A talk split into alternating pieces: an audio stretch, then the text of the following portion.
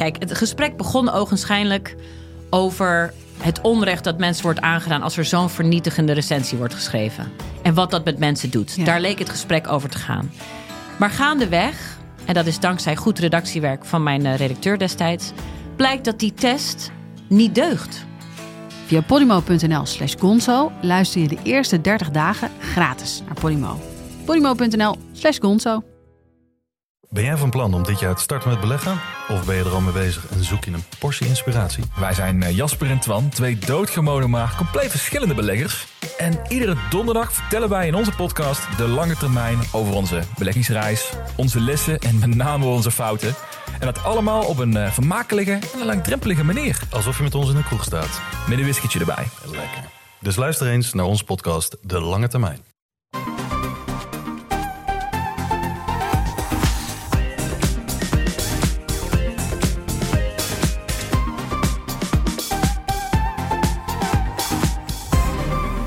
Welkom bij de Bright Podcast van woensdag 5 oktober met de trending topics in tech van deze week. Mijn naam is Erwin en vandaag schuiven aan Floris Hoi. en David. Hoi. Hey. Ja, met Dave praten we zoals wel vaker over e-bikes. Eh, maar dit keer is het wel een hele speciale. De nieuwe Venmove S5. David heeft er al op gereden en wil daar, ja, daar willen wij natuurlijk alles over weten. Verder volgde Floris vorige week een dag de CEO van Apple, Tim Cook. En hij kon hem ook eh, kort even interviewen. Ook daar gaan we het over hebben. Daarnaast gaat de deal tussen Musk en Twitter nu toch weer wel door. Als het aan Musk ligt, eh, wordt USB-C definitief de enige toegestane oplaadpoort in gadgets. En hebben Nederlanders een van de eerste echte Netflix-games gemaakt. We gaan beginnen.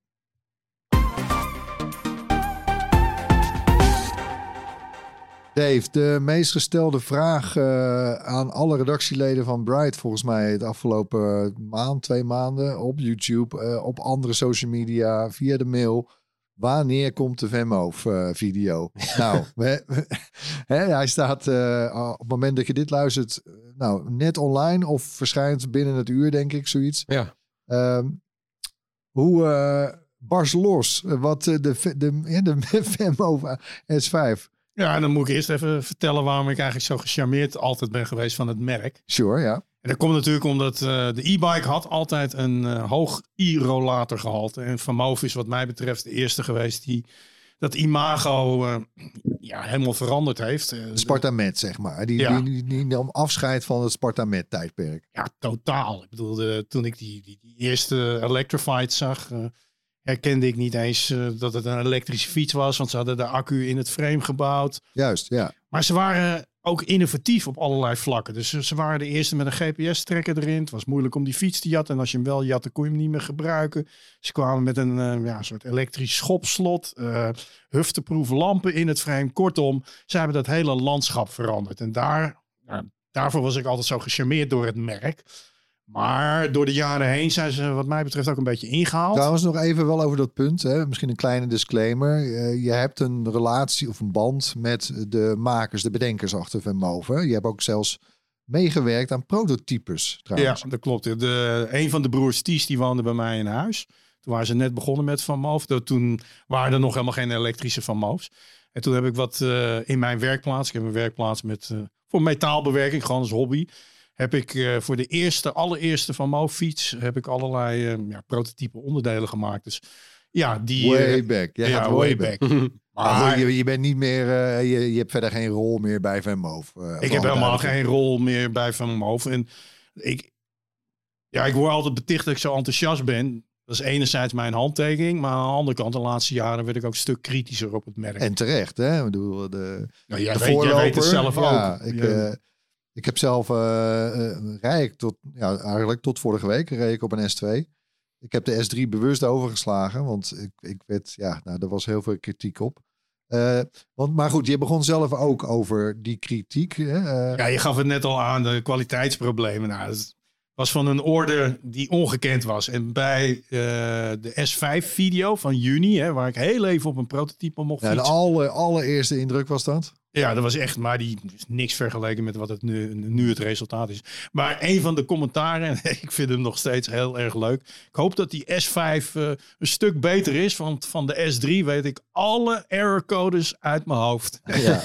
ja, dat vertelt eigenlijk het hele verhaal. hè.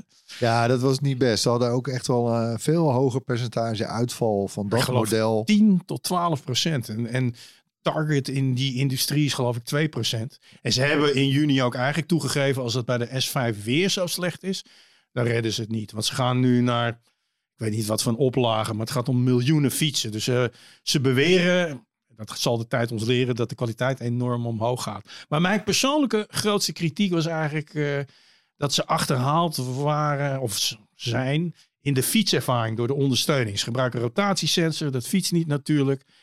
Maar nu hebben ze ook een krachtsensor. Ga ik straks vertellen hoe dat fietst. Eh, Leuk. Ja, je vertelt het ook met kracht. Eh, erg leuk. Maar want inderdaad, eh, hè, we hebben, je, hebt, je hebt al vele video's gemaakt over e-bikes bij Bright. Eh, ik moet meteen denken aan, aan de Cowboy of de Ampler. Of de, hè, er zijn zat merken die dat hebben toegepast. Hè? Dus naast Ja. een rotatiesensor ook een krachtsensor. En goed hebben toegepast ook. En dat het Ja, en ook mooie fietsen. Ja. En, en eh, ook vernuft. specialized. Daar kan ik me was je heel lyrisch over. Ja, dus dat is echt een fiets eh, die, die niet zozeer tierenlantijntjes, maar die, dat is echt zo'n, het is ook peperduur merk. Ik, ik heb laatst voor Brighter banden, mocht ik er één lenen, die was 11.000 euro en dat was nog niet eens de duurste. Eh, dus dat is een heel ander soort fiets. Maar de, de Cowboys en de, en de Amplers, en met name Cowboy, ja, die hebben eigenlijk, eh, ja, soort, wat mij betreft, een soort inhaalslag gedaan. Eh, mooie fiets, ook eh, accu weggewerkt, allemaal vernuft erin. Ja, en die hadden dan ook die krachtsensor, waardoor je dat natuurlijke fietsgevoel had. En, en als je nu naar die S5 kijkt en, en je kent de S3, dan zal je in de, e- ja, op het eerste gezicht zeg je dan, nou, hetzelfde. Weer zo'n dik Ja. buisframe, maar er, er is bijna geen onderdeel, misschien de trappers, eh, die niet veranderd is. Echt alles aan die fiets is vernieuwd en verbeterd. En ja, dat is ook echt heel erg merkbaar. En dat begint eigenlijk al eh, bij, bij het frame. Dus je hebt de S5, we hebben het nu de hele tijd over de S5, maar je hebt ook de A5 met het doorstapframe. Maar ze hebben bijvoorbeeld frame. Ja, de, vijf- de A5, hè, de, voorheen hadden we de X-modellen bij de Ja. 2 en de, en de, de 3. Eh, die is nu vervangen door het A-model. Eh, het is ook een beetje een soort eh, de wat meer universele, ook voor Aziaten denk ik dan. En eh, lager instap. Eh, ja, Ja. Maar het is iets groter dan die X, toch? Die X was echt best wel een, een ja, slag kleiner. Ja, het is inderdaad, het is een heel ander frame. Ja. Maar ze hebben beide frames, wat ik eruit begrepen heb, vijf centimeter lager gemaakt. En toen vroeg ik er, maar waarom dan? Nou, het blijkt dat gewoon heel veel vrouwen, ook op het, eh, wat ik het ballenbuismodel noem, dus wat vroeger de, de mannenfiets was. Maar die willen graag op die fiets fietsen. En daarom hebben ze het frame ook lager gemaakt. Oh ja. Klein detail wat je in de, op het eerste gezicht gewoon niet ziet, maar wel belangrijk is. nou ik heb ook ik heb één testritje. Hè, dat, dat kan. eh, je, het zijn wel een soort. Ook Zijn pre-productie. Ja, precies. Hè, dat, dat merk je hier en daar wel. Maar je kan een testritje doen eh, bij een van de Vermoof-filialen. Eh, twee hebben ze er in Amsterdam en nog eentje elders in Nederland. Nee, volgens mij niet eens. Maar goed, ik heb zo'n ritje gedaan. En ja, dat merk je meteen. Je zit ook...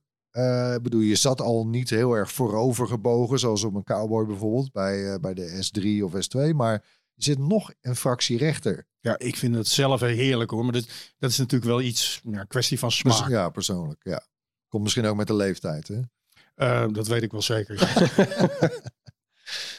Hey, en ehm, eh, vertel nog eens verder over dat frame. Want eh, waren er, zijn er nog meer dingen die je op het eerste oog misschien niet ziet? Uh, lasnaden ze- bijvoorbeeld? of- ja, de, de Ties heeft me verteld dat ze als designers weer terug wilden naar de oorsprong van het frame. En het eerste frame, zelfs toen het nog eh, niet elektrisch was, waren eh, ja, dikke buizen, eh, maar vooral ook rupsen, lasnaden. En dat, ja, dat vinden zij een designkenmerk. Nou, op zich vind ik dat niet zo heel erg. Dus eh, bij het balhoofd en bij je zadel vind ik die eh, zeer zichtbare naden. Ja, ik hou er wel van. Maar het zit bijvoorbeeld ook in de voorvork halverwege. En dat zit trouwens bij de S3 schijnt daar ook een lasnaad te zitten. Maar bij de S3 hebben ze hem weggewerkt. En bij de eh, S5 en de A5 is hij zichtbaar. En dat, dat element, dat vind ik echt niet mooi. Vind ik gewoon lelijk. Hmm. Ik hoop dat ze dat in de toekomst weghalen. Maar wat er bijzonder is aan dat frame, is dat het volgens Ties althans zo'n beetje het eerste fietsframe in de wereld is wat totaal door een robot gelast wordt. Oh, Ja, je denkt eh robotlassen, dat het wordt toch overal toegepast? Ja, in de auto-industrie, maar kennelijk niet in de fietsindustrie. Het wordt wel toegepast, maar dan hier en daar een lasje. Het wordt allemaal nog met de hand gedaan. Maar nog interessanter, dat is gedaan door een bedrijf die geen fietsframes maakt. Maar waarom hebben ze daar nou voor gekozen? klinkt als een gok. Nee, hun, eh, ze zien dat heel anders. Ze willen die kwaliteit verhogen. Ze hebben gewoon een, eh, een van de beste, althans dat beweren zij, eh robotlasbedrijven eh, in de hand genomen van eh, maak het maar. En als je erover nadenkt, ja, wat maakt het nou uit wat, wat je nou precies last? Als het ontwerp maar goed is. Maar als jij goed kan lassen, dan kan je ook een fietsframe goed lassen. En dat hebben ze trouwens ook nog met bijvoorbeeld de motor. Is ook heel interessant. Elke fietsfabrikant die plukt er een uit de schap. Hè. Die pakt een Bafang, een Bosch of een Ja, Shimano motor. Nee, ook hier eh, zijn ze naar een bedrijf gegaan die nog nooit een e-bike motor heeft gemaakt. Maar sterren zijn in het maken van elektrische motoren. Voorbeeldje. Die trilmotortjes eh, in je iPhone, die worden door datzelfde bedrijf gemaakt. Nou, dan weet je wel dat er Aha. een bedrijf achter zit wat eh, goed is. En dat geldt ook voor de elektronica. Die elektronica is weer gemaakt door een bedrijf die ook voor Tesla de displays of zoiets dergelijks maken. Dus ze hebben allerlei partijen erbij gekozen die niet per se uit de fietsindustrie komen, want die zijn conservatief, maar top of the line. Althans, dat beweren ze. Ik heb dat natuurlijk niet kunnen Lijkt bevestigen. me ook wel toch wel verdraaid spannend hoor. Voor, Ja. eh, Oh, joh, als ze dit je, niet goed je doen. steekt in je nek uit. En, en wat je in het begin al net zei. Ja, zo'n S3 kunnen ze nog niet nog een keer meemaken. Nee, dan hebben, dat hebben ze eigenlijk al toegegeven in juni. Gaven ze al eigenlijk aan. Als wij weer die failure rate hebben, zo hoog, dan. Ja, dat, dat- Wauw. Nou, Dan haal je eh, het fingers crossed. Ja, Ja, want Hey, dat, kwam, ander- dat kwam door schaalvergroting, toch? Dat, want in eerste instantie werden die dingen allemaal nog op relatief kleine schaal gemaakt. Maar met die S3 werd het echt een soort van wereldproduct. Ja, en eh, de- de- de- de- dat bedrijf is zo enorm gegroeid. Ik geloof, ik, nou, daar kan je me niet op vastprikken, maar het team wat die S3 oorspronkelijk heeft ontworpen, dat kon je bijna op eh, nou, drie handen tellen of zoiets. Ja. En nu hebben ze, weet ik veel, 150 man erop zitten. Of Oh zo. ja. Het is allemaal zo groot geworden. En eh, dat betekent niet meteen dat die kwaliteitsproblemen opgelost zijn. Maar ik, nou, wat ik van die fiets gezien heb en wat ik gevoeld heb, wat dat, mijn eerste indruk was dat de kwaliteit eh, in ieder geval beter was. eh. Klinkt wel grensverleggend. Hey, dan een ander ding wat wel opvallend is. Eh, er zitten van die eh, ja, rings of power. Lord of the Rings. Lord of the Rings zitten erop. ja, wat, wat is Halo dat? ringen. Een van de kritiekpunten op eh, oudere modellen van de van Moos was de Matrix display. Die zat in die bovenbuis.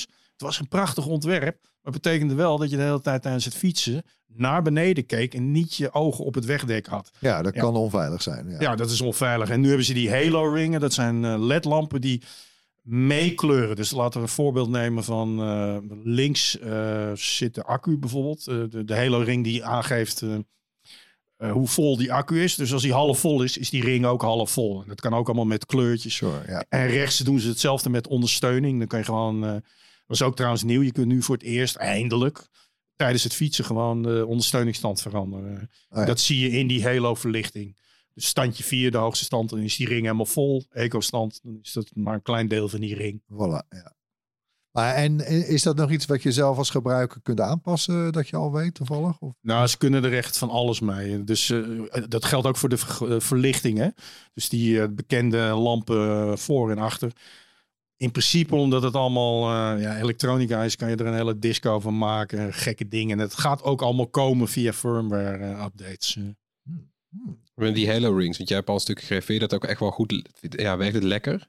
Ja, ik vond het. eh, ja, want ik ben zelf een, eh, mannetje van, eh, van de getalletjes. Dus Ja. ik, de- het, is, het is natuurlijk abstract. Maar het werkte goed, want je, je, je hoeft niet echt naar beneden te kijken. Je hoeft je hoofd niet te buigen, maar je even met je ogen naar beneden. En ja, je, je- die accu zie je meteen. Ja, je krijgt een, een, een grof idee van ik heb nog genoeg. Of, Ja, en ze, ze- net zoals Cowboy wordt deze ook met een SP Connect aansluiting. Dat is zo'n ja, snelsluiting. ja, Dan moet je een hoesje voor een iPhone of je Samsung kopen. En dan klik je hem gewoon vast op het stuur. Dus als jij wel gewoon klassiek een display hebt. Dan open je gewoon ook. de Vermoof app. En dan heb je ook alle data. ja, met maps erbij en al die dingen. Nou, ik, weet, ik geloof niet dat ze navigatie doen. Maar wel de snelheid en de standjes en Zo de lekker. accu. eh. Het was trouwens grappig, in die testrit die ik deed op die S5, eh, daar zat een telefoontje bij. Ehm, En die had ik ook even afgehaald om te zien even hoe dat SP Connect, eh, nou, hoe dat werkt, hoe dat, of dat soepel gaat enzovoort. Dus ik haalde dat ding eraf en ik doe hem er weer terug op. En, en ik draai hem dan in landscape. Hè, bij Cowboy blijft hij eh, in portrait staan trouwens. Maar bij Vermove moet je hem dan in landscape draaien. Om dat soort dashboard te, te zien. Alleen, ja, de iPhone ging niet mee in de, Ah, ja. in de landscape. Oh ja. Dus dan moest ik een soort de fiets een soort half optillen. ja. Om hem... Tot die sensor in- door Ja, Ik denk, want ik heb nog even het zal wel een, eh, ook wel een klein eh, dingetje Nou, nog dat zijn. is wel te. Ik, het kunnen herken het fixen. ook van de motor. Dan eh, zet- ik ook mijn, mijn iPhone op dat ding en dan zit hij in de verkeerde dingen. En, eh, ja, dat is lastig, maar dan moet, moet hij ietsje steiler staan. Hey, en dan het, eh, het schopslot. Althans, hè, ja, zo, zo, dat, die term hebben wij eigenlijk Ja. aan hen opgedrongen. Ja. Eh, die, hebben wij, die hebben wij ooit bedacht. Maar eh, jij, jij hebt die bedacht. ja. Ja, ik wil het niet meteen zeggen, maar Nee, dankjewel. maar die, die, die credit moet ik geven. Hè, want ja, inderdaad, die stond ernaast. Dat was, eh, die werd geïntroduceerd op de S2. Die stond ernaast, die schopte er tegenaan. En dan ging die op slot. Dus een schopslot. Maar is die verder nog aangepakt? Vergeleken Ja, bij de het- S2, eigenlijk voor S3? alles op de fiets. eh, er zijn weinig grote nieuwe features, maar vooral hele nuttige verbeteringen. Dus het schopslot, hè, de- als je aankwam rijden, dan, eh, nou, dan moest je die twee eh, lijntjes eh, op de Ja. en op het frame. Dat is nog steeds hetzelfde. Oh, dat, jammer. Ja, dat, had nog, dat kan nog wel beter. Maar als je dan terugkwam, dan, dan deed je of je pincode of met geofencing. Ja, ja. maar dan ging een soort alle, al- ging hij piepen of een geluidje maken. En dan moest je de fiets bewegen Ja. om hem te ontgrendelen. Correct. Dat hoeft nu niet meer. Dus je komt terug van die supermarkt, je loopt naar die fiets. En als jij die eh, pincode of eh, de geofencing hebt, dan springt hij gewoon, eh, ontgrendelt hij vanzelf. Dus je kunt dan meteen wegfietsen. En dat werkt goed. Hey, en, dan, en dat was ook echt wel een pijnpunt. Ik weet ook voor mensen met een mechanisch hart zoals jij. eh, de versnellingen op de S3, dat was gewoon God. klak, klak, klak. Het was, je hoorde het, het ging door merg en been. Ja, is, dat aangepakt? Ja, dat is zover als ik in die korte tijd heb kunnen testen helemaal weg. En dat had te maken met het design van de vorige versnellingen. Het waren geloof ik vier versnellingen. En eh, eerst wist ik dat niet. Maar wat er gebeurde is, je had een soort, eh, je had dat gekraak. Maar je had ook die vrije slag van, eh, ik weet niet, van drie naar vier of van twee naar drie. Waardoor je, nou ja, de, helft van de, de omwenteling van een trapper in het luchtledige leek te fietsen. En met als gevolg dat je, als je net aanzette en stond, dan, dan ging je op de ballenbuis met je ballen. Ik vond het echt waardeloos. Maar dat kwam omdat hij van een hogere versnelling terugschakelde naar zijn 1 om naar de allerhoogste versnelling te gaan. Oh. En nu hebben ze één versnelling minder en is dat hele probleem weg. Dat is er gewoon niet meer. Het, eh, en het, ik heb het ook niet horen kraken. Wat ik wel nog merkte, maar die, zelfs die fiets die ik had, dat was een pre-productie.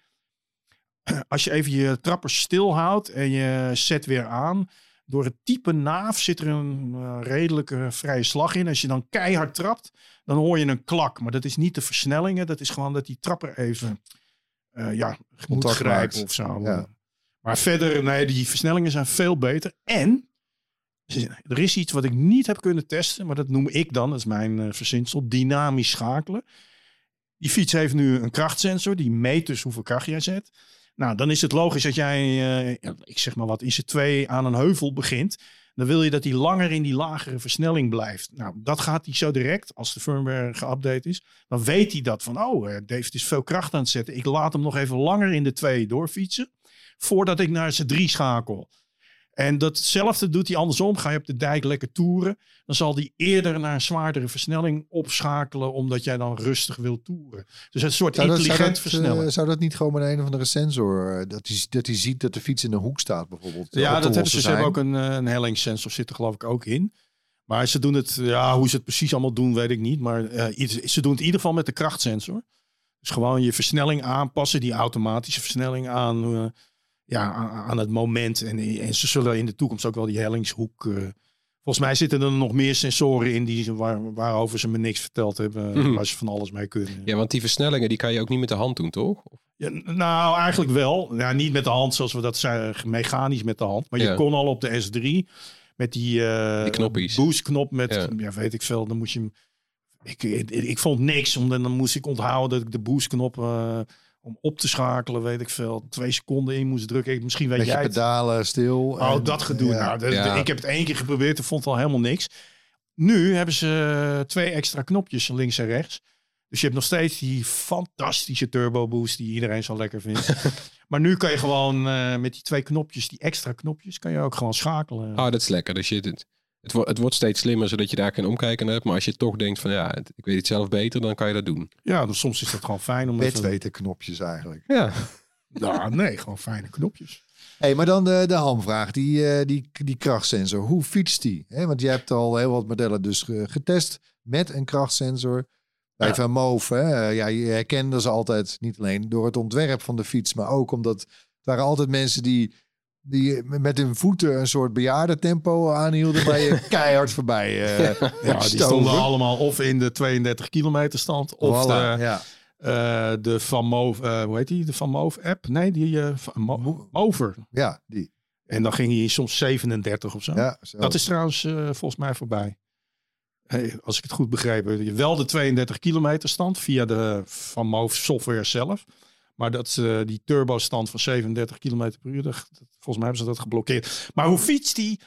Dit is de Van Moof zoals ik hem altijd al wilde. Ik, ik vind rotatiesensor niet meer van deze tijd. eh, omdat het gewoon onnatuurlijk fietst. Je kunt niet je tempo bepalen zonder de trapper stil te houden. En nu heb je een rotatiesensor.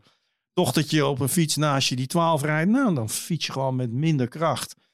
En het is gewoon soepel. En je kunt het allemaal instellen via de app. Dus als je dat oude karakter een beetje wil, waarbij je niks hoeft te doen, kan het ook. Maar je kunt ook gewoon heerlijk natuurlijk fietsen. Ik, echt, dit is de vermogen zoals die al jaren geleden had gemaakt had moeten worden, wat mij betreft. Dus de, de pionier die last kreeg van een soort wet van uh, remmen de voorsprong, die is weer, die doet wat jou betreft gewoon weer volop mee. Ja, qua vernuft en design zeker. Eh, wat ze nu moeten bewijzen, want dat heb ik natuurlijk niet getest.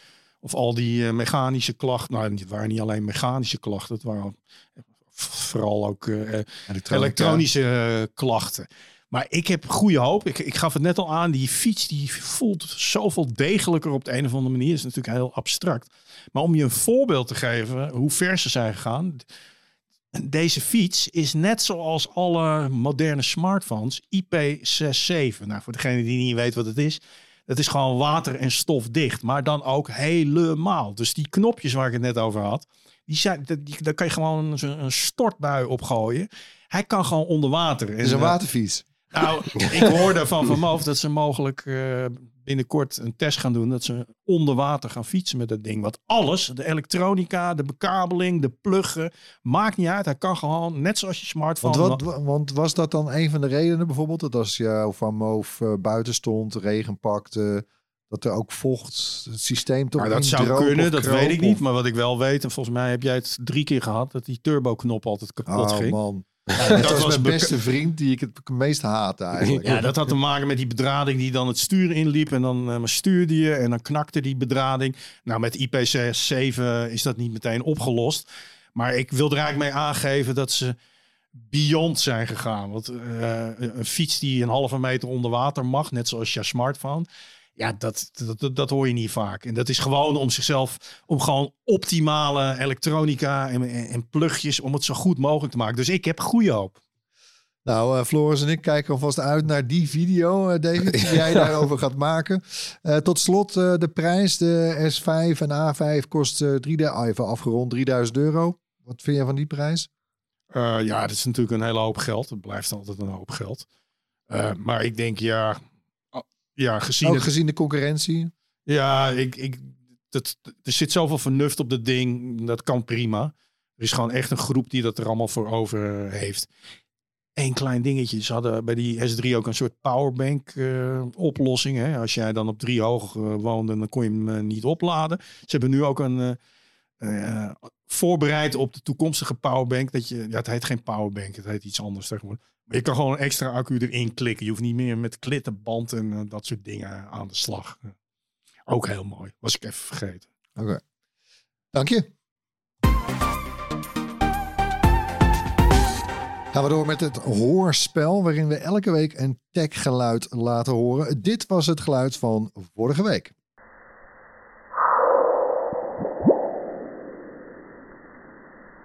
Ja, dat was het merkwaardige geluid van een meteoriet die op Mars stort. En dat wisten een aantal luisteraars, waaronder Maarten van der Burg. Gefeliciteerd Maarten, we sturen je een leuke prijs. Eh, en aangezien we dan eh, een winnaar hebben, hebben we natuurlijk ook een nieuw geluid. Komt-ie.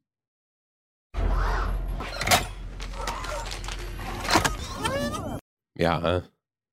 wat is dat? Nou, nog één keer dan.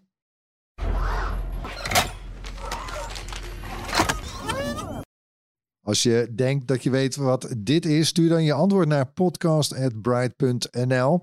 Onder de juiste mensen die het. Onder de juiste mensen. Onder de mensen die het juiste antwoord insturen. Juist, verloten we een leuke prijs.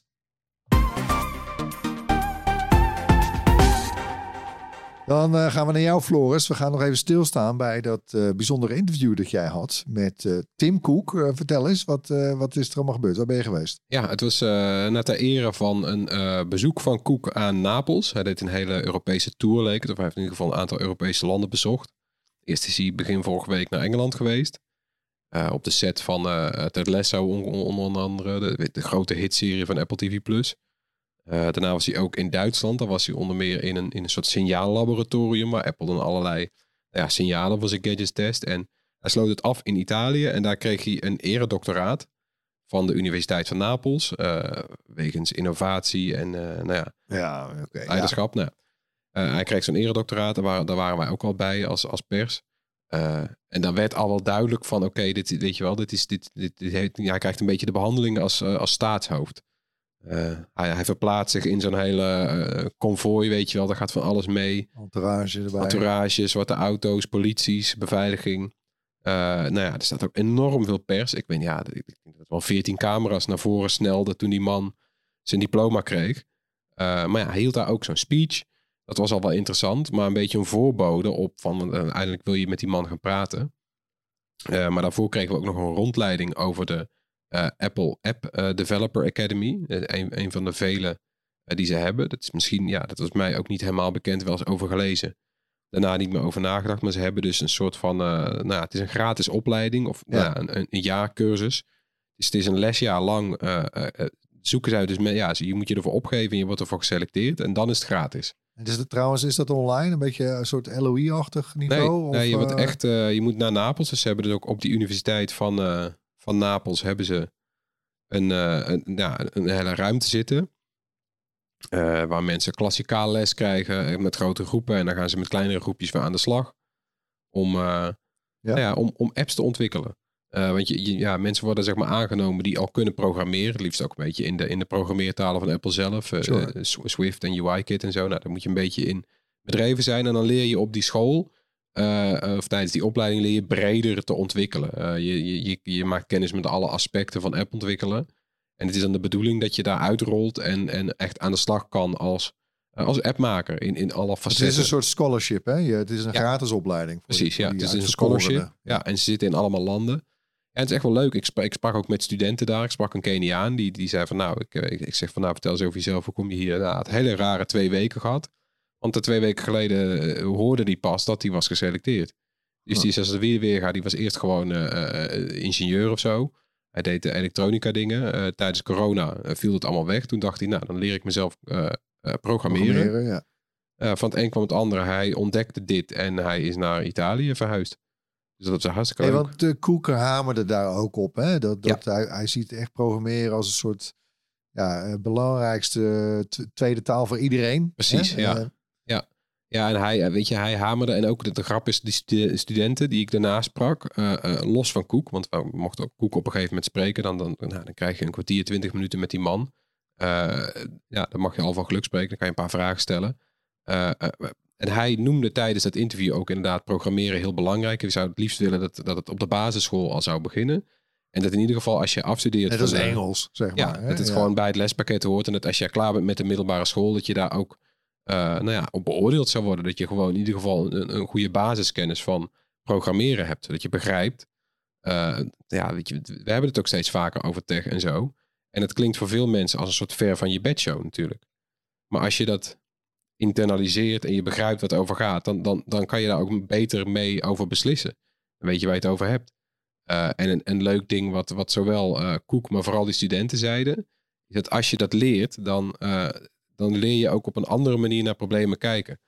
Dat je, je, je denkt als een programmeur, eh, waardoor grote problemen, complexe eh, wereldveranderingen, die zijn dan minder eng, omdat je eh, daar op een andere manier naar kijkt. Dus wat dat betreft zou het voor de, weet je wel, in deze hectische tijden ook wel lekker zijn om zo'n om zo'n zienswijze te hebben eigenlijk. Als dan. Maar bijna wel een beetje als dan oplossingen Ja. verzin, voor verzinnen. Ja, gewoon niks zien als Heel veel als- parameters. Ja, precies. Gewoon bij alles denken van ja, maar daar valt wel weer iets op te, op te verzinnen. Ja, nou ja, die, die instelling was, is ons bij Bright natuurlijk niet vreemd. Zo staan Nee. wij ook een beetje in het leven. Maar eh, ja, interessant. Kijk, dus hij, hij kreeg een eerdoctoraat, hij hield een speech. Eh, dan heeft hij natuurlijk over, eh, onderstreept het belang van, van leren programmeren. Ja. Hij had het volgens mij ook nog over klimaatverandering. Hè? Dat, was, dat, dat Absoluut, onze ja. grootste uitdaging is. Maar hij liet toch ook weer wat los over een ander onderwerp, niet? Ja, dit, we hebben natuurlijk gevraagd naar van. Ja, hij begon ook zelf over AR, hebben we over doorgevraagd. Want hij zei: AR is eh, binnenkort niet meer weg te denken. Aha. En je, ja, je bent toch benieuwd, want je weet dat hij natuurlijk weet waar ze mee bezig zijn. En dat hij die producten ook al in zijn handen of op zijn hoofd of wat dan ook heeft gehad. En wat hij daar dus over te zeggen had was, eh, we kunnen binnenkort, eh, en dat zou volgens hem best wel snel kunnen zijn, kunnen we ons niet meer voorstellen eh, hoe een leven zonder AR eruit ziet. Op precies dezelfde manier als dat we ons nu niet meer kunnen voorstellen hoe het zonder smartphone of zonder internet zou zijn. Ja. Ja, Dus dat, dat- is toch wel verdorie wel weer een hele duidelijke hint, niet? Ja, dit is een hele duidelijke. Want hij, hij heeft natuurlijk de afgelopen, nou, ik, ik zou zeggen, volgens mij al de afgelopen twee jaar. Ik heb hem een paar jaar geleden ook een- zo'n interview met hem mogen doen. Toen Vijf jaar al. Hij zegt Toen al, ging het er ja. nog niet, net niet over, maar Ja, ja, vijf jaar lang noemt hij AR al. Volgens mij was het al vijf jaar geleden inmiddels dat hij AR de grootste technologische belofte Precies, sinds hè, de, de- smartphone noemde. de Dus opbouw is, is Ja. ongekend. Hè? Die, die is, overduidelijk. Ja, dus hij, hij ziet daar heel veel heil in. Hij, zegt, ja, weet je, hij noemt bijvoorbeeld onderwijs en eh, de medische sector als goede eh, eh, sectoren waar dit boeiend kan zijn. Maar eigenlijk zou het overal wel interessant zijn. Hij zegt dat het weet je, overal zal terugkomen. Dat de, de potentie is enorm. En hij Eh, maakte ook trouwens wel een heel duidelijk verschil tussen, en de potentie ervan, tussen AR, augmented reality en virtual reality. Niet? Ja, ja want eh, virtual reality is natuurlijk ook gewoon een afgekaderd begrip. Eh, we weten ervan dat nou ja, je zet een bril op je hoofd en je bent dan eh, nadrukkelijk niet in de echte wereld. Want Ja. AR is de echte wereld zien via je telefoonscherm of via een bril. En daar worden dingen aan toegevoegd. Dus een pijl wordt op de weg geprojecteerd, bij wijze van spreken, en dan weet je waar je heen moet lopen. VR is, je gaat in een game of in een virtuele wereld. En Koek zei daarvan, nou ja, dat heeft zijn, dat heeft zijn plaats en zijn nut. Eh, maar voor gezette tijden. Dus bijvoorbeeld inderdaad om een spelletje te doen. Of, eh, maar hij zegt van ja, dat is geen manier om, om je leven te leiden. Dat is niet, je Nee. ja, dat, je- Hij is er niet kapot van, hè? In die zin. Nee, ja, niet, niet in die zin van we gaan de hij hele dag... netjes, maar hij is er niet kapot van. Nee, nee, niet, ja, een, een bril opzetten voor de hele dag en je dan in de virtuele wereld bevinden, dat leek, ja, daar leek hij niet enthousiast over, nee. En iemand wist hem ook nog een soort een reactie op, op de metaverse te ontlokken, toch? Ja, want dat is dan de vraag inderdaad van nou, iedereen loopt de schermen met metaverse. Eh, eh, en, en daarover zei hij van nou, ik vind het belangrijk dat mensen begrijpen eh, wat iets is. En hij zei ook van als je dus de meeste mensen vraagt wat is het metaverse, dan geloof ik niet dat, ze, dat, ja, dat, dat ze weten wat dat is. Hm. Dus ja, zolang dat, zolang dat de meeste mensen dat niet weten, heeft hij er eigenlijk ook niet zo heel veel aan toe te voegen. Dave, hoe, hoe kijk jij naar die- zo'n opmerking van Koek? Hè, van het leven zonder AR is binnenkort ondenkbaar. Eh, zie Nou, je het voor je? Eh, zie jij toepassingen die, waar je naar uitkijkt? Ja, alleen ik vind me nog moeilijk voor te stellen. Dat komt natuurlijk omdat wij bij Bright eh, als eerste met Google Glasses rondliepen. En dus, dus ik snap het concept wel. Ik ben het wel helemaal eens met eh, de virtual reality. Dat is alleen maar gewoon een momentopname in de dag. Dus als zij een manier vinden om een soort bril te maken, of, ja, ik, waarbij je door je leven geleid wordt, dan snap ik het wel. Maar ja, dat met Google Glass, dacht ik eerst ook van wauw. Maar na, na een uurtje Google Glass was ik er al klaar mee. Ja, ja, spannend. Volgens de laatste geruchten gaan we in het nieuwe jaar, mogelijk al in januari, horen over die AR-bril van Apple. Nou, wie weet.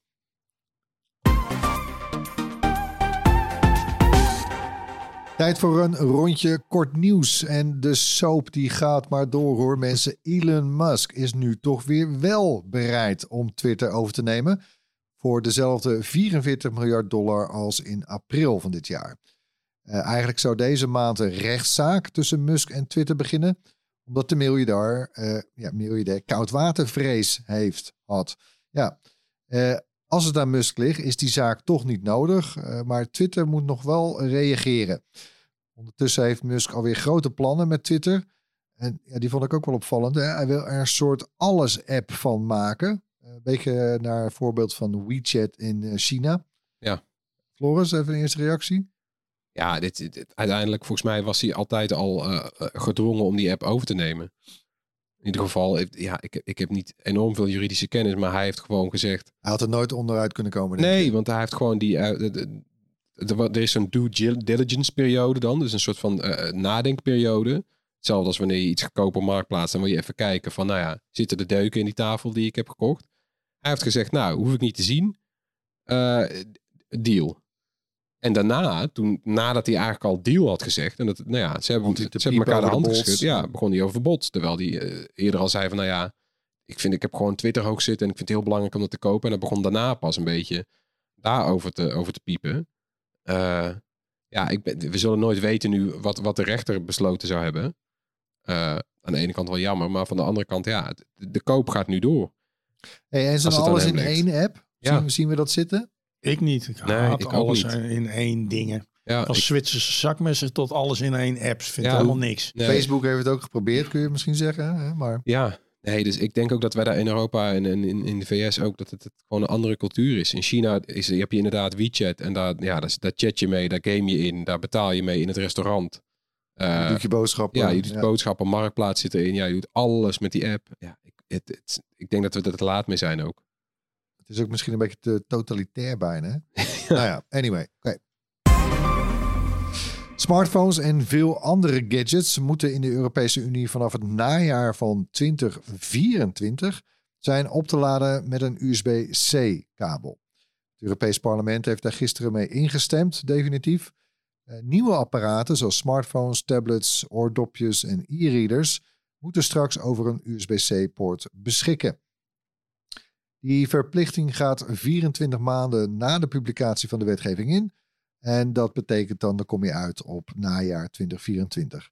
Eh, voor laptops gaat het pas naar 40 maanden gelden. Nou, daar heeft de lobby blijkbaar dan toch nog zijn werk. eh. Ja, Ah, anyway, oké, maar goed. eh, het is nu definitief. Ja. Alles moet USB-C. Ja. On, Ja. guys, even. Ik wil Ja. een Ja, ik, hooray voor, voor het USB-C. opladen, opladen wel, maar USB-C is wel een ramp. Hè? Oh, ja. Ja. jezus. Dave, kom je nou mee? Nee, ik had het van de week weer. Ik heb een nieuwe GoPro gekocht. Die, die moest ik backuppen en het lukte me niet. Hè. Het lukte me niet. Ga ik online, staat er dat, dat, dat werkt eigenlijk alleen maar met de USB-C-kabel die GoPro het meegeleverd heeft. ja. Want de ene kan opladen, de ander kan Thunderbolt. Die Ja. kan het weer niet. Het is een Ja, chaos. oh zo. Ja, Ja. nee, de, de- het universele karakter, wat ons ooit, ooit beloofd was, een soort een beetje ons werd voorgehouden. ja. Ja, dat is niet zomaar per se ja, en gegeven. Dus voor opladen prima, maar voor... Het is ook inderdaad toch het gevaar. Want dat, dat, dat, is ook waar Apple heeft voor gewaarschuwd vooral. Want die zitten natuurlijk nu met, met, die, met die Lightning. Eh, en je mag alleen Lightning kabeltjes verkopen als je akkoord van Apple hebt. Eh, wat aan de ene kant natuurlijk onzin is, want dan wordt een kabeltje duurder door. Van de andere kant eh, voorkom je wel dan zulke problemen. Want een, een, een Lightning kabel werkt wel altijd. Nou, nee. Nee? nee ik, ik heb de Nou, als je- als een vol rare met eh, Chinese Chinese eh, Ja, die weer niet Ja, opladen. nee, die zijn dus niet gecertificeerd. Nee, die zijn nee. niet gecertificeerd. Nee. Nee, dus daar ben ik bang voor dat we dat nu nog veel meer gaan krijgen. En ik vind ook dat het een beetje, want aan de ene kant ben ik heel blij hoor, als we straks gewoon één lader voor alles Ja, hebben. dat wel, dat is heerlijk. Het is heerlijk. Eh, alleen ik, één ding wat nu vooral gebeurt bij alle gadgets, heel veel koptelefoons en smartphones die worden al geleverd met USB-C in de gadget, maar dan zit het kabeltje wat erbij is. Eh daar zit dan aan de andere kant weer gewoon een USB-C of een USB-A aan. Een ouderwetse groot. Ja, dan zijn we nog nergens toch? En dan, en dan zit er ook nog een verschil tussen al die laadblokjes. Dat moet nu ook wel gelijk getrokken worden. Er is nog werk aan de winkel. Ja, maar gelukkig daar is wel eh, ook, eh, weet je wel, want je hebt dan eh, OnePlus heeft Warp Charge en Xiaomi heeft ja. super, super speed, weet ik veel. Nou, ze hebben allemaal een eigen laadstandaard. Europa zegt, mag je lekker doen. Maar je moet ook gewoon de open standaard ondersteunen eh, voor snel laden. Dus dat, dat gaan we straks wel hebben, maar het blijft... Ik wil gewoon USB-D met eh, Alles opladen, Ja. zo snel mogelijk en geen gezeik. We zijn er bijna, power- met power delivery. nog En met niet. Power Delivery of de opvolger daarvan. Nou, ik, ik wilde het brengen als leuk nieuws en een feestje. Maar nou, bedankt jongens. Dan gaan we weer. Ja, Netflix brengt sinds een jaar games uit voor zijn abonnees. Maar dat waren vooral bestaande games. Nu komen er ook meer spellen rond Netflix-series bij. En de Nederlandse ontwikkelaar Paladin Studios bijt, het, bijt zijn spits af... met een game rond de populaire bakserie Nailed It. Floris, jij was eh, even koekjes happen daar bij Paladin? Of? Ja, dat was wel lachen. Ja, want we, hebben nu al wel eens hebben Stranger Things games, maar over het algemeen zijn het eh, bestaande games, zoals Oxenfree zijn best wel goed gewaardeerde games. Die heeft Netflix dan aangekocht als versie voor zijn abonnees. En dan, dat werkt ook best wel goed. Je moet dan een app downloaden uit de Play Store of de, de App Store. En dan moet je gewoon inloggen met je Netflix-account en dan kan je die game gratis spelen zonder ads en zonder dat je moet bijbetalen. Dus dat werkt op zich lekker. Eh, en nu gaan ze ook inderdaad inhaken op hun eigen eh, IP, noem je dat dan, hè? hun eigen eh, series en films. Intellectual property. Ja. Ja, en Nailed It eh, eh, leent zich best wel goed voor zo'n spelletje eigenlijk, blijkt. Hmm. Want het is een serie die gaat over, ja, het is een soort raar neefje van heel Holland Bakt. Mensen moeten iets, ja, ook amateurbakkers moeten iets nabakken, maar dat is eigenlijk veel te hoog gegrepen. Weet je wel, dat zijn van die hele mooie etalagetaarten in de vorm van, eh, van een piramide of eh, weet je wel, een, een, een 3D-versie van een Van Gogh schilderij. Je kan zo gek niet bedenken of het is daar voorbij gekomen en dat gaat altijd halverwege het bakken fout. En dat, nou ja, dat gebeurt in dit spelletje eigenlijk ook. Eh, Paladin heeft, heeft, heeft, ja, ze zeiden van, nou ja, hoe gaan we een spelletje van falen maken? Want dat is eigenlijk de opdracht. Ze zeiden, want ja, in, in de meeste spelletjes wil je winnen. Maar ja, ze hebben mij verteld van, als je samen faalt, net als in het programma, dan is het ineens leuk. Dus dat is de insteek geworden. Nailed It is eh, eh, boven alles een party game. Dus je, nou ja, ik, ik zet een spelletje op, jullie doen mee. En dan moeten we allemaal dezelfde taart bakken. Eh, en dat, nou ja, je hebt allemaal van die mini-spelletjes. Dus je moet beslag maken door ingrediënten te mengen. En je moet op een gegeven moment die taart gaan vormen en versieren en zo. En het, bij alles heb je eigenlijk het gevoel dat je te dikke vingers hebt. Dus dat, het is heel geestig. Het is ook heel snel voorbij. Je kan kiezen uit allemaal taarten. En het is eigenlijk een verrassend leuk eh, spelletje geworden. Maar heb jij nou... Ik, ik ben toch nog wel heel huiverig hoor. Om, ik- om, om bij, bij Netflix games te... Ja. ja. Het is een beetje alsof Instagram, TikTok ook na gaan doen. Ja, bijna. alles in één app. ja, het voelt een beetje onwennig. Het is denk ik voor Netflix vooral een, een, een extra eh, manier om jou eh, aan een langlopend abonnement te houden. Want als je gewend bent van, oh, ik ben dit spelletje en dat spelletje aan doen, want dat zat bij Netflix in. Ja, dan is het nog een extra man, ja, reden om jouw abonnement te laten lopen. Ja. Nou, ik moet het nog zien. Maar goed, leuk. Ja, sluiten we af met de tips van deze week. We beginnen met onze gast David. Heb jij een tip bij je voor de luisteraar? Ja, ik, eh, het is een weerapp. Ventu Sky. Oh, Hij lijkt heel erg op Windy, maar ik, ik was eh, recent op vakantie in Spanje. En als ik op vakantie ben, dan, dan wil ik eigenlijk het hele land zien met temperatuur of regen. En eh, ja, dit, dit is eigenlijk de, een van de ultieme weerapps die wat je maar wil weten, dat laat hij goed en snel en makkelijk zien. Het is echt een aanrader. Je hebt hem ook weer gewoon voor de webbrowser. Oh. Eh, is niet voor iedereen als je heel erg visueel ingesteld bent. Ja, misschien vind je dit dan eh, niet zo mooi, maar ik, ik wil altijd data en ik wil precies zien op de kaart meteen hoe, hoe warm het daar en daar is. En niet een, een lijstje van Amsterdam, Apeldoorn, eh ja, Schijndel. ja, ja. Gewoon, ik wil heel Nederland in één keer zien. En bijvoorbeeld weather op de, op de iPhone, die begint steeds meer daarop te lijken. Maar dit gaat veel verder. En eh, gratis, eh, iOS, Android, wat? eh, wat Volgens mij allemaal. Dus PC, macOS, wat is browser. En dan eh, apps, dacht ik ook Android en iPhone. Eh, en je hebt... eh, Volgens mij is het grotendeels gratis. Misschien heb je nog wat extra diensten. Maar ik miste niks, laat ik het Ah, zo zeggen. Nou, goede tip. Links zetten we in de show notes. Eh Floris? Ja, mijn tip is een aflevering van VPRO Tegenlicht eh, voor beide emoji. Weet Je je zijn wel lekker bezig de laatste tijd, hè? Tegenlicht. We hebben steeds leuke tips voor ja. ja. Want eh, deze aflevering gaat over de, eh, weet je nog, in 2016 veranderde Apple de, de eh, pistool-emoji in een waterpistooltje. En eh, alle andere eh, bedrijven die gingen daar eigenlijk achteraan, de grote bedrijven, Microsoft en Twitter en Facebook en zo. Dus overal waar je nu eh, eh, eh, nou ja, een emoji van een pistool verstuurt, is, is, het, is het een waterpistooltje. Maar ook met terugwerkende kracht. Hm. Eh, en Iedereen vond, dezelfde Unicode waarschijnlijk. ja, en iedereen vond het eigenlijk wel een goed idee destijds. Maar nu hebben ze toch, eh, eh, kijken ze daar even op terug. En ze zeggen, ja, er schuilt toch een soort van censuur in. Ze hebben daar ook taalkundigen bij gehaald. En die zeggen, ja, die, die, die emojis zijn een afspiegeling van hoe wij naar de, naar de werkelijkheid kijken. Het, het is meteen onderdeel van onze taal geworden. En als je aan het uiterlijk van zo'n emoji gaat sleutelen, dan sleutel je ook aan de betekenis van de taal. En dat is, nou, ze zeggen, daar schuilt toch een soort van glijdende schaal in. Eh, ver- ver- verpreutsing van de... ja, een beetje. Want ja. Jij, jij, ja, jij, jij communiceert een pistool. Ja, dan bedoel je ook een pistool. Dan bedoel je geen clownsneus, weet je wel. Dus het is, Ja. is, ja. weet je, de, de, de, de- Oh, interessant punt. Ja. ja. en ze gaan ook langs bij Unicode. Dat is dan inderdaad die instantie die eh, eh, bepaalt met een heel...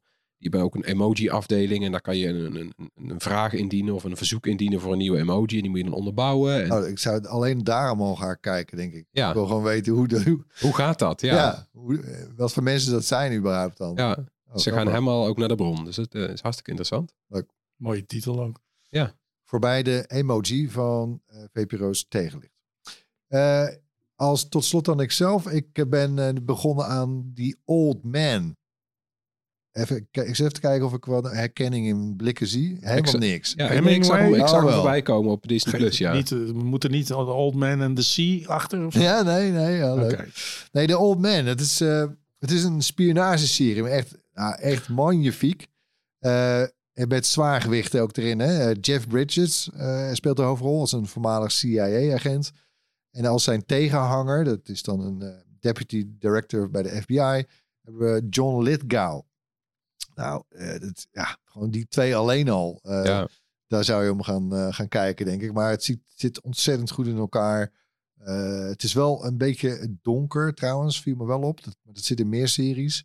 Ja. Alle, alsof, alsof, ze, alsof, alsof de belichting van series wordt aangepast op het seizoen of zoiets. Ik weet het niet. maar, ehm, eh, en die serie was al, eh, hè, die Old Man, was al eerder in de VS verschenen. Maar nu eindelijk ook hier in Nederland te zien eh, via Disney+. Plus Of nou, beter eigenlijk nog via Stars of FX. Nou ja, whatever. Eh, hij staat op Di- Disney+. Plus. En eh, oh man, echt smul hoor. Oeh. Leuk. Klinkt goed. Ook die link zetten we in de show notes. Bedankt weer voor het luisteren. Dit was hem. Laat gerust iets van je horen. Mail naar podcast.bright.nl of drop ons een DM op een van onze sociale kanalen. Tot volgende week. Doei.